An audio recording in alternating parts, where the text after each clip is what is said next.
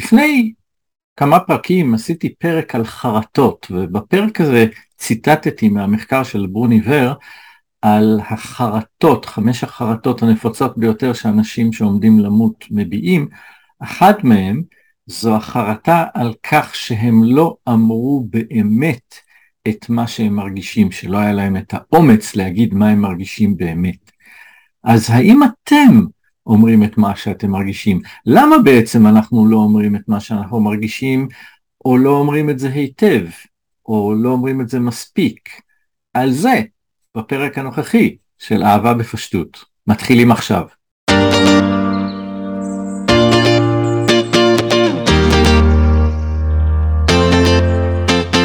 אהלן חברות וחברים וברוכים הבאים לפודקאסט אהבה בפשטות. אני שמעיה, מחבר הספר אהבה בפשטות, הרגלים מעשיים ליצירת חיי אהבה מושלמים. ואני כאן כדי לשתף אתכם באובססיה שלי. לחיות את הזוגיות הכי אוהבת, הכי מתגמלת, הכי מאושרת שאפשר. בפודקאסט הזה נדבר על זוגיות ואהבה, ונראה איך כל אחד ואחד מכם, כן, כן, גם את, גם אתה, יכולים להגיע לאושר ולשמור עליו. דרך בחירות יומיומיות פשוטות מהסוג שכולנו עושים כל הזמן. בפודקאסט הזה נחתור לגלות את העקרונות להצלחה באהבה ואת הדרכים המעשיות והמועילות ביותר לבטא את העקרונות האלו בחיים ובזוגיות שלנו. וכל זה מתוך הבנה אחת בסיסית, שהאחריות לאושר שלנו נמצאת, ותמיד הייתה, בידינו בלבד. אז קדימה, אהבה בפשטות מתחילה כאן.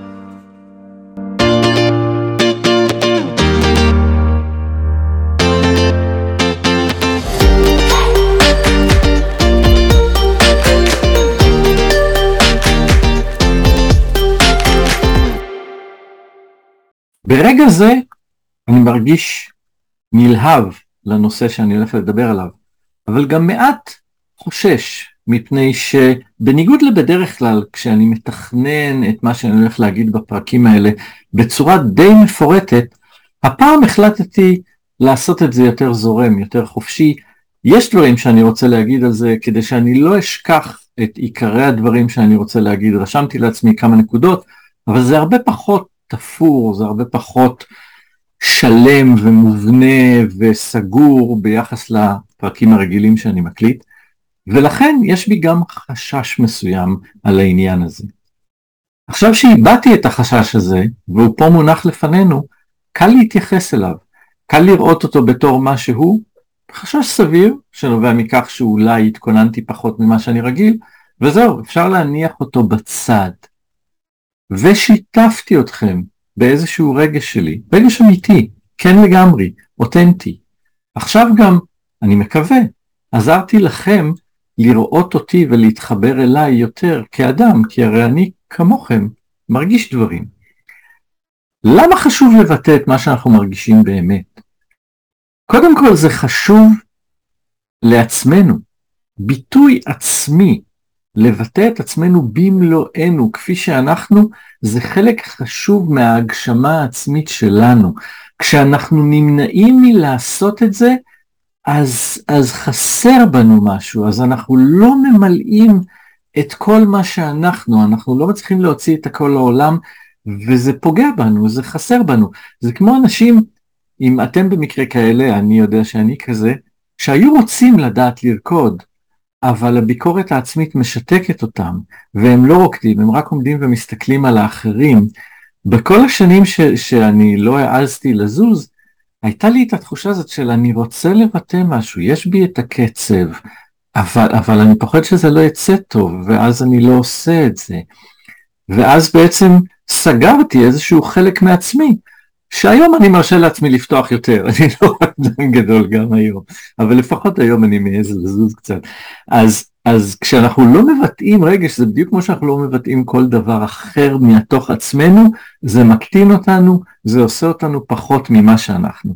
אבל יותר מזה, כשאנחנו מדברים על קשרים בכלל ועל זוגיות בפרט, אם אנחנו לא מביעים באמת את מה שאנחנו מרגישים, אנחנו גונבים מעצמנו ומבני הזוג שלנו הזדמנות, או הזדמנויות אפילו, חשובות ביותר להתחבר, לעשות את הזוגיות הזאת יותר טובה, יותר אותנטית, יותר מלאה, יותר אמיתית, יותר כיפית. וזה לא חשוב כרגע אם הרגע שאתם רוצים לבטא הוא אהבה וחיבה ושמחה באחר ו- ואת האושר שאתם חשים, או שהרגע שאתם רוצים לוודא כרגע הוא איזושהי אכזבה או כעס או עלבון, זה ממש לא משנה. כך או כך, בכל המקרים האלה, אם אתם נמנעים מלהביע את הרגש שלכם ולשתף את האחר ברגש הזה, אז, אז קודם כל אתם, כמו שאמרתי, מונעים מעצמכם איזשהו ביטוי עצמי שהוא חשוב לנו. אתם גם לפעמים בעקבות זה בונים איזשהו תסכול, אם זה משהו שבאמת חשוב לכם להגיד, אתם גם מונעים מהצד השני את המשוב על, על איך הוא מולכם. להגיד, אני אוהב שאת עושה לי את זה, זה גורם לי אושר, מעודד, זה משוב חיובי, זה מעודד את בת הזוג להמשיך לעשות את מה שאתם אוהבים. זה עושה טוב לשני הצדדים, זה נותן לה משוב חיובי, זה תגמול עבורה על זה שהיא התאמצה ועשתה משהו בשבילכם, ועכשיו אתם אומרים, זה ריגש אותי, זה עשה לי טוב, זה נגע בי, נהדר, הרי מה היא רוצה חוץ מזה. אז כשאנחנו לא מבטאים, אנחנו, אנחנו גונבים מעצמנו ומבני הזוג שלנו את ההזדמנות הזאת, אבל גם אם זה שלילי. אם זה שלילי, אוקיי?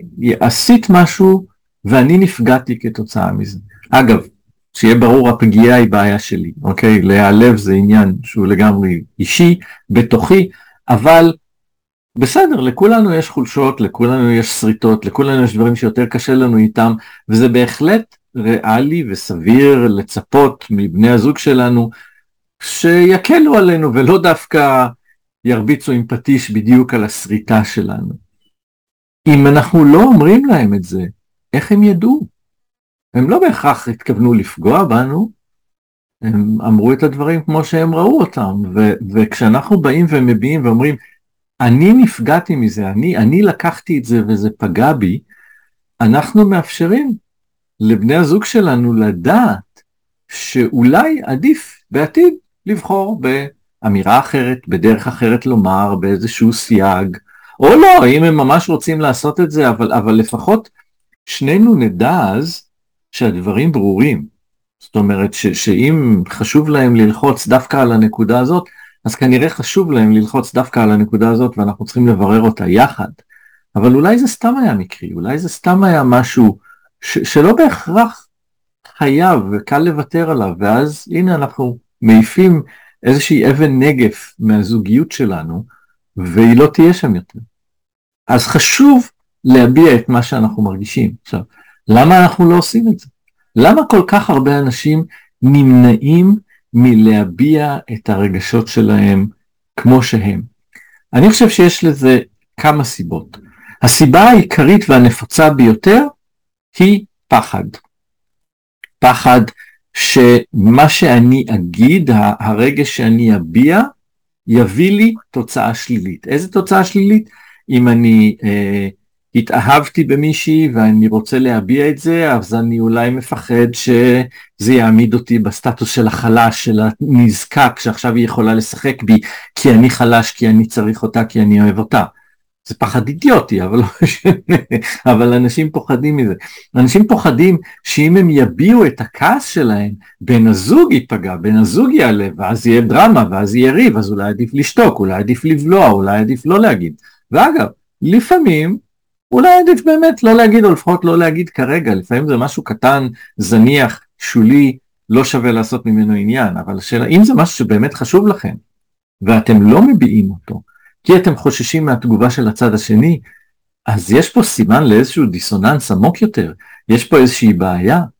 אם יש לכם איזה פנטזיה, יש לכם איזה רצון, יש לכם איזה שאיפה, יש לכם איזה חלום, ואתם לא מתקשרים אותו כי אתם מפחדים ממה שהצד השני יגיד, אם יש לכם אי שביעות רצון ממשהו שקורה עכשיו, נמאס לכם לגור בבית הזה, אתם לא רוצים להיות פה יותר, אתם לא רוצים להיות בעבודה הזאת יותר.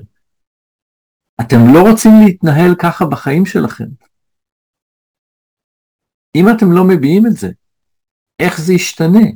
אז, אז אתם בעצם בולעים את זה לעצמכם, משאירים את המצב כמו שהוא, ואתם צוברים בפנים את התסכול, את הכעס. חלק מהבעיה עם זה שבדרך כלל באיזושהי נקודה זה מתפרץ, באיזושהי נקודה זה מתפוצץ, כי אתם לא יכולים יותר, ואז בן הזוג בדרך כלל, כאילו, מה, זה, עשר שנים היה בסדר, מה עכשיו פתאום לא בסדר? אה, זה אף פעם לא היה בסדר? רגע, כל השנים האלה אתה שיקרת לי? כל השנים האלה אתה העמדת פנים? וואו, כאילו, זה עכשיו שבר הרבה יותר גדול ממה שזה חייב להיות כשיש לנו עניין קונקרטי שמציק לנו ואנחנו יכולים לדבר עליו. אז אנחנו נמנעים לעשות הרבה פעמים מפחד וזה לא טוב, זה לא עושה טוב ואני דיברתי על זה גם בפרקים הקודמים, הפחד הוא מורה דרך גרוע, הוא היום, זאת אומרת להפך, סליחה, הפחד הוא מורה דרך מצוין ללכת לעשות בדיוק את מה שהפחד אומר לנו לא לעשות, הפחד הוא אדון איום ונורא, זאת אומרת אם אנחנו נותנים לו לשלוט בנו אז, זה בדרך כלל מביא לתוצאות לא טובות, זה הרבה פעמים מביא בדיוק למה שאנחנו פוחדים ממנו. עכשיו, יש עוד סיבה מאוד מאוד חזקה שבגללה אנשים נמנעים מלבטא רגשות, וזה מתחלק לשני תתי סוגים. זה נקרא לזה באופן כללי החינוך שלנו, או היעדר החינוך שלנו.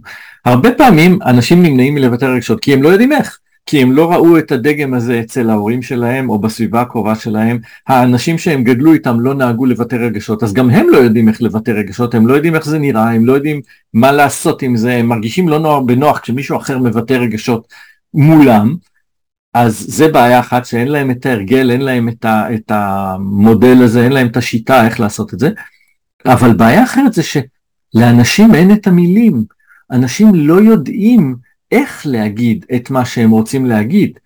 ו, וזה בעיה ממש חמורה שאני חושב שהיא נובעת אצל הרבה אנשים מזה שהשפה שלהם שטוחה וענייה. אתם יכולים לראות את זה בטלוויזיה, אתם יכולים לראות את זה בכל מיני ריאליטי, אתם יכולים לראות את זה בכל מיני, בשיחות שלכם. וואו, מדהים, התגובה לכל דבר, מדהים, מדהים, מדהים. יש עוד מילים בעולם. נפלא, נהדר, מקסים, מרתק, משובב נפש אם אתם רוצים ללכת קצת יותר עמוק לתוך המקורות. עכשיו זה לא אומר שאתם חייבים להיות כאילו אה, משוררים בעברית, אבל עם כל מה שאתם יודעים להגיד זה מדהים, כל דבר, השמלה הזאת מדהימה, מדהימה, הצחוק שלך מדהימה, עצמי, מדהים, מדהים, את בעצמך מדהימה. אוקיי, זה מין, זה עלוב, זה פתטי, וזה גם לא באמת מביע את העומק של מה שאתם מרגישים. כי אתם לא מרגישים אותו דבר, אני מקווה, כלפי החברה שלכם, ומה שהיא ואיזה מין בן אדם הוא, וכלפי השמלה שלה, יפה ככל שתהיה, החפץ הזה. עכשיו, כשאנשים לא יודעים לבטא את הרגשות שלהם, יש הרבה פסיכולוגים שטוענים שכשאנשים לא יודעים להגיד את ההבדל, הם הרבה פעמים גם לא יודעים לחוש את ההבדל והם לא יודעים להתייחס אליו. ואז החוויה הרגשית שלהם היא שטוחה, היא ענייה, ויש הרבה מחקרים שקושרים אלימות פיזית לכך שאנשים לא יודעים לבטא את הרגשות שלהם בצורה מילולית, ואז יש בפנים את הרגש של הכעס, יש בפנים את הרגש של התסכול, והם לא יודעים להגיד את זה, אז, אז הם עוברים לאלימות פיזית, אז הם מכים, אז הם, אז הם צועקים, אז הם הולכים מכות, הם מרימים מקל, הם יורים. ו, וזה, גם אם זה לא במאה אחוז ככה, וגם אם רובנו, אני מניח, אנשים שמקשיבים לי, אנשים נורמטיביים, שמסוגלים לבטא רגשות לפחות במידה זו או אחרת, תחשבו על זה רגע. אם, אם כל המנעד שלכם זה שמח, כועס, אוקיי? זה מה שאתם יודעים להגיד.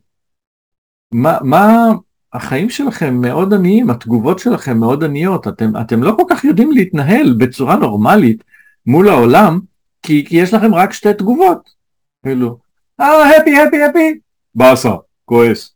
זה, זה לא, זה לא חיים לחיות אותם, וזה בדרך לא דרך טובה לנהל קשרים עם אנשים. יש מנעד שלם, יש ספקטרום, יש טווח ענקי של רגשות שהם באמצע, אבל אם אין לכם את המילים להביע אותם, אתם לא יודעים להתייחס אליהם, ואתם לא יודעים להעביר אותם לבני הזוג שלכם ולשאר האנשים בחיים שלכם. והתוצאה היא שגם היחסים שטוחים יותר, פחות עמוקים ופחות מהנים, פחות מספקים ממה שהם יכולים להיות. והעניין הוא שאנחנו לא רגילים להשקיע בזה. פעם אנשים היו כותבים מכתבים, כי, כי לא הייתה ברירה, שיחות טלפון היה דבר נדיר, אוקיי? כשאני נולדתי, עדיין, אני לא יודע אם לרוב, אבל להרבה מאוד מאוד מאוד בתים במדינה הזאת, לא היה טלפון. וגם אם לכם היה, הרבה פעמים לבן אדם שרציתם לדבר איתו לא היה. ושיחות טלפון היו דבר יחסית, כאילו, חשוב, מעניין, זה, זה מרגש לקבל שיחת טלפון. ואחר כך זה נהיה נפוץ, אז ברגע שהתחילו לדבר יותר, אנשים התחילו לכתוב פחות מכתבים. והאימייל לא לגמרי החליף את זה, כי כשהיית יושב לכתוב מכתב וידעת שייקח עכשיו שלושה ימים או שלושה שבועות אם זה הולך לחו"ל, עד שהמכתב הזה יגיע, אז אנשים לקחו את הזמן להתאמץ קצת, להביע את מה שחשוב להם, להעביר את, את הדברים שחשובים להם בצורה טובה, כי זה היה המדיום שהיה להם. אנשים התאמצו יותר, אנשים took extra care, לא בא לי כרגע המילה בעברית לעניין הזה, אנשים השתדלו יותר לדאוג לכך שהמכתבים שלהם, המסרים שלהם, יעבירו את הרגש, וכך גם כרטיסי הברכה שלהם, הם היו כותבים אותם. היום אנחנו קונים אותם, היום אנחנו שולפים איזה משפט מהאינטרנט, היום אנחנו אפילו לא עושים את זה, או שאנחנו שולחים איזה אימייל או וואטסאפ. ובגלל שזה כל כך מהיר ומיידי, הרבה פעמים, ואפילו ברוב המקרים, אנשים לא טורחים לעצור רגע ולהכניס את החשיבה הקטנה הזאת של לדייק מעט את מה שהם רוצים להגיד, כדי שזה יעביר לצד השני את הרגש שחשוב להם שיעבור. ו... אני יכול להגיד לכם שגם אני תופס את עצמי כך מדי פעם, אפילו שאני אדם שבהחלט יודע להתבטא במילים ולהעביר רגש במילים. גם אני לפעמים מבין שאני לא עשיתי את זה, או לא עשיתי את זה מספיק. ואתם יודעים משהו? גם, גם אם אין לכם את, ה, את הזמן או את היכולת לעשות את זה באותו רגע, אפשר להעביר, אפשר לרגש, אפשר לתת את זה לאדם השני. קחו למשל, בואו נדבר על, ה, על הדוגמה הכי פשוטה, על, על להגיד משהו לבן או בת הזוג, משהו, אתם יודעים מה, אתם רוצים לכתוב להם מכתב קטן ל, ליום ההולדת שלהם, ליום הנישואים שלכם, לאיזשהו אירוע, לא חשוב מה. אתם צריכים להשקיע לפחות כמה דקות, ולא יזיק אם זה יהיה גם חצי שעה או יותר, זה בסדר. שבו ותחשבו רגע, מה אתם באמת מרגישים? ומה המילה הנכונה להגיד את זה? האם המילה הזו היא מדהים? או שאולי יש מילה יותר טובה, יותר מדויקת, יותר מעניינת? תחשבו גם על זה שלמילים יש אסוציאציות. ואז אם אני פתאום סוחב איזה מילה מהתנ"ך, או מאיזשהו סיפור ידוע, או מאיזשהו סרט ששנינו מכירים, ואני משתמש דווקא במילה או בביטוי שהשתמשו שם, זה מהדהד את האירוע, את הסיטואציה, את הרגש שבא משם, וזה מעשיר את מה שאני כותב באופן אוטומטי. תחשבו על זה שכמו שבצבעים יש גוונים, זה, זה לא רק אדום וירוק. יש באמצע, יש ירקרק, יש ירקרק צהבהב, יש ירוק מאי, ויש ירוק טונדרה, ויש ירוק עצי אשוח, ויש ירוק של אמ, צפצפה בזמן הפריחה שלה. יש את הירוק של כליל החורש אחרי שהוא מתמלא בקיץ.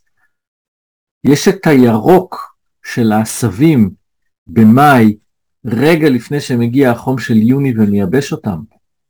יש המון ירוקים, והם לא אותו דבר, ולדחוף על כל העניין הזה ולקרוא לו ירוק, זה, זה משטיח את החוויה, זה, תחשבו, זה, זה, זה כמו שתיקחו את העולם ותציירו את כולו בחבילת הצבעים, הקריונס האלה שיש לילדים. אפילו אם אתם יודעים, קניתם את האלה של השבעה צבעים, אפילו אם קניתם את האלה של ה-24 צבעים. זה לא באמת מביע את כל העושר של העולם. אז אל תשתמשו רק במעט מילים כדי להביע את כל העושר של הרגשות שלכם. וגם תהיו ספציפיים. כשאני נטפל לדוגמה הזאת של מדהים, אוקיי, זה מדהים. למה אני כל כך לא אוהב את זה? לא רק שזה שטוח ו- ו- ולא מעניין, זה, זה לא ספציפי. מה מדהים? מה מדהים? בוא תגיד לי מה, כאילו, אתה אומר שאני מדהימה? אוקיי, מה באמת מדהים אותך בי? מה, מה בדברים שאני או שאני עושה הם כאלה מדהימים? מה, מדהים אותך איך שאני אה, מסוגלת לעודד אותך כשיש לך מצב רוח רע? מדהים אותך איך אני מטפלת יפה בילדים שלנו? איך אני דואגת אה, שכשאתה יוצא לעבודה בבוקר זה תמיד יהיה עם חיוך? מדהים אותך איך אנחנו עושים אהבה? מדהים אותך שמישהי שהיא כל כך מלאה בדברים ושלמה כמוני בחרה בך כדי לשתף את כל הטוב הזה איתך? אפשר להגיד המון דברים מתחת למדהים הזה, מאחורי המדהים הזה. המדהים הזה הוא כלום, המדהים הזה זה צ'ופצ'יק על פני השטח, זה איזה אבן קטנה. תרימו אותה ותתחילו לחפור מה יש מאחורי זה. ואל תמנעו מבני הזוג שלכם את העושר הזה, אל תגנבו מהם את ההנאה הזאת שבלגלות שהרגש שלכם הוא עמוק ועשיר ושאתם באמת רואים אותם והרגש שלכם מתייחס למה שאתם רואים. וזה בסדר גם כשאתם אומרים הפוך, גם כשאתם רוצים להביע כעס, גם כשאת רוצה להתעצבן עליו, על זה שהוא שוב פעם לא בא מהעבודה בזמן למרות שהוא הבטיח שתעשו משהו ביחד. כן? אתה כזה מעצבן! אוקיי. בסדר. זה הבעה מסוימת של הרגש, אני מבין כרגע שהצבנתי, אבל מה, אוקיי? אולי תגידי משהו בסגנון של, אתה יודע, אני חשה כזאת תחושה של אכזבה כשאתה מבטיח לי משהו ולא מקיים, זה גורם לי להרגיש קטנה ולא חשובה בעולם שלך מול, מול העוד שיחה או עוד חתיכת נייר שאתה העברת בעבודה שלך, ו- ואולי אתה לא רואה את זה ככה, אבל זה ככה גורם לי להרגיש. ונורא לא נעים לי ככה, ו- וזה עושה לי רצון לבכות, וזה עושה לי רצון לצעוק, וזה גורם לי להרגיש לא טוב עם עצמי ולא טוב איתנו. ואני ממש הייתי רוצה שתשתדל יותר כשאתה מבטיח לי משהו לקיים את זה כדי שאני לא אצטרך להרגיש ככה. ויכול להיות שאני לא צריכה להרגיש ככה, יכול להיות ש, שזה סתם מקרי ו, וזה סתם היה משהו בדרך ואתה יצאת בזמן והייתה איזה תאונה בדרך וזה בכלל לא אשמתך והכל. אבל זה, זה, זה משהו שבי הוא פוגע, זה משהו שבי הוא נוגע, זה משהו שלי הוא קשה, אז אני מאוד מבקשת ואני מאוד אעריך את זה אם אתה תוכל להתאמץ יותר כדי שלא יקרה שאני ארגיש ככה. זה לא יותר טוב מאשר להגיד אתה כזה מעצבן, זה לא יותר מעביר את מה שאת מרגישה, זה לא יותר עובר אליו ונוגע בו ומבהיר לו במה מדובר, לא סתם אתה מעצבן, אתה מעצבן זה מין האשמה כזאת שהיא חסרת ערך, היא כללית, היא לא נותנת כלום. אבל כשאת מביעה את הרגל שלך במלואו, גם פרקת מעצמך יותר את מה שיש לך, גם אפשרת לו להבין יותר טוב מה הבעיה, למה זה באמת בעיה, כי הוא אולי לא רואה את זה, אוקיי, איחרתי חמש דקות, אז מה? אנחנו עדיין מספיקים. או נעשה את זה מחר, מה ה big deal? אז לא, אז את עוזרת לו להבין שכן, שיש פה איזשהו big deal, וככה שניכם יכולים לעשות משהו ביחד לטובתכם, לטובת השיפור של הזוגיות שלכם לעתיד. ומכל הסיבות האלה, ועוד, אני חושב שממש שווה, ממש משתלם להשקיע את המאמץ בלנסח לעצמכם קודם כל את מה אתם מרגישים באמת. את כל ההיקף של מה שאתם מרגישים. כי גם כשאתם כועסים עליה בטירוף, אתם עדיין אוהבים אותה כנראה. גם כשאת מעוצבנת עליו והוא פגע בך והעליב אותך, עדיין כנראה את יודעת להעריך אותו על דברים אחרים שהוא, גם אם כרגע את פחות מרגישה את זה. יש את כל העושר הזה, הוא הרבה יותר מאשר אתה מעצבן. אז בואו נביע את כל העושר הזה, בואו נשתף בכל העושר הזה את בני הזוג שלנו, וככה, לא רק שהיחסים שלנו יהיו הרבה יותר אמיתיים, הם יוכלו גם הרבה יותר להשתפר, להיות הרבה יותר עמוקים ונוגעים ומספקים. ואני חושב שזה שווה את ההשקעה קצת בשפה, זה שווה קצת את ההשקעה קצת במאמץ, בכתיבה, וזה לא חייבת להיות כתיבה נכונה, וזה לא חייב להיות נורא ספרותי. אתם יכולים להשתמש במילים של יום-יום, אם זה המילים המתאימות. זה לא מזיק להכניס מדי פעם מילים נוספות. למה העניין של הספרותי? כי יש שם עוד עושר, כי זה פחות שטוח, כי יש שם מילים שיש בהם עוד הבעה והן יכולות להגיד עוד דברים, אבל אם אתם לא צריכים אותם, לא צריך. זה לא המטרה, כאילו המטרה פה היא לא להראות שאתה אינטלקטואל גדול ולהשתמש במילים גבוהות. המטרה היא להעביר את הרגש שלך בצורה נכונה. אז אני ממליץ לכם, כשיש לכם משהו להגיד, ותמיד יש לנו משהו להגיד, בואו תנסו להגיד אותו, ובמיוחד באירועים משמעותיים, בואו תנסו להגיד אותו בצורה קצת יותר מלאה, קצת יותר עמוקה, קצת יותר אמיתית. ממה שנהגתם לעשות עד עכשיו, ואני מבטיח לכם שאתם תראו הרבה טוב מזה בחיים שלכם. אגב, לפני חצי שנה בערך עלה בדעתי שאולי שווה שאני אכין איזה קורס כזה, כאילו ממש חשבתי להמציא קורס לכתיבת מכתבי אהבה. מכתבי אהבה הם, הם הרבה יותר רק מאשר מכתבים שמביעים מיד אהבה, יש כל מיני סוגים של מכתבי אהבה, וממש חשבתי לעשות קורס קטן על זה. אה, לא הגעתי לזה, לא יודע אם זה חשוב לאנשים או לא, אז אם זה חשוב לכם, אם אתם חושבים שזה מעניין אתכם, בואו ספרו לי ואני אדע אולי לעשות את זה, אתם יכולים לרשום את זה פה בתגובות מתחת לפודקאסט, אם זה אה, בפודקאסט עצמו, אתם יכולים לעשות את זה מתחת לסרטון, אם זה ביוטיוב, אתם יכולים לעשות את זה בלשלוח אימייל ל-support at ecoachingsuccess.com, אני גם מכניס את האימייל הזה עכשיו על הסרטון אם אתם רואים את הסרטון, אם מעניין אתכם תכתבו לי ואולי אנחנו נעשה את זה. עד פה הפרק השבועי, הפעם על רגשות ואיך להביע רגשות, אהבה בפשטות, נתראה בשבוע הבא.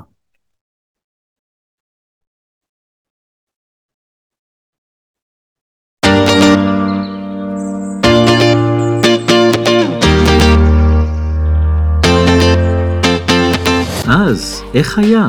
אם אהבתם, אל תשכחו לעשות לייק, להגיב, והכי חשוב, להירשם לפודקאסט כדי שתקבלו אוטומטית את הפרקים הבאים. אפשר כמובן גם לצפות בהקלטה בערוץ היוטיוב שלנו, וגם שם כדאי להירשם לערוץ, לעשות לייק ולהגיב. זה יעזור ליוטיוב לספר לכם כשנעלה תוכן חדש, ויעזור לאנשים אחרים לגלות גם הם את הפודקאסט. אשמח לשמוע מכם מה אהבתם, מה לא, מה עוד מעניין אתכם, ויש המון דרכים לספר לי. אם אתם מקשיבים בספוטיפיי, יש לכם אפשרות ללחוץ על הקישור בתחתית תיאור הפרק הזה, ולהקליט הודעה קולית שתישלח אליי ישירות. בערוצים אחרים וביוטיוב אפשר להשאיר תגובה, וכמובן אפשר לשלוח אימייל ל contact שמיה ב gmail.com, או להתחבר לעמוד הפייסבוק של זוגיות מאושרת. איך שלא תעשו את זה, בואו נתחבר ונמשיך יחד את המסע לזוגיות המושלמת. ועד הפרק הבא, יאללה ביי.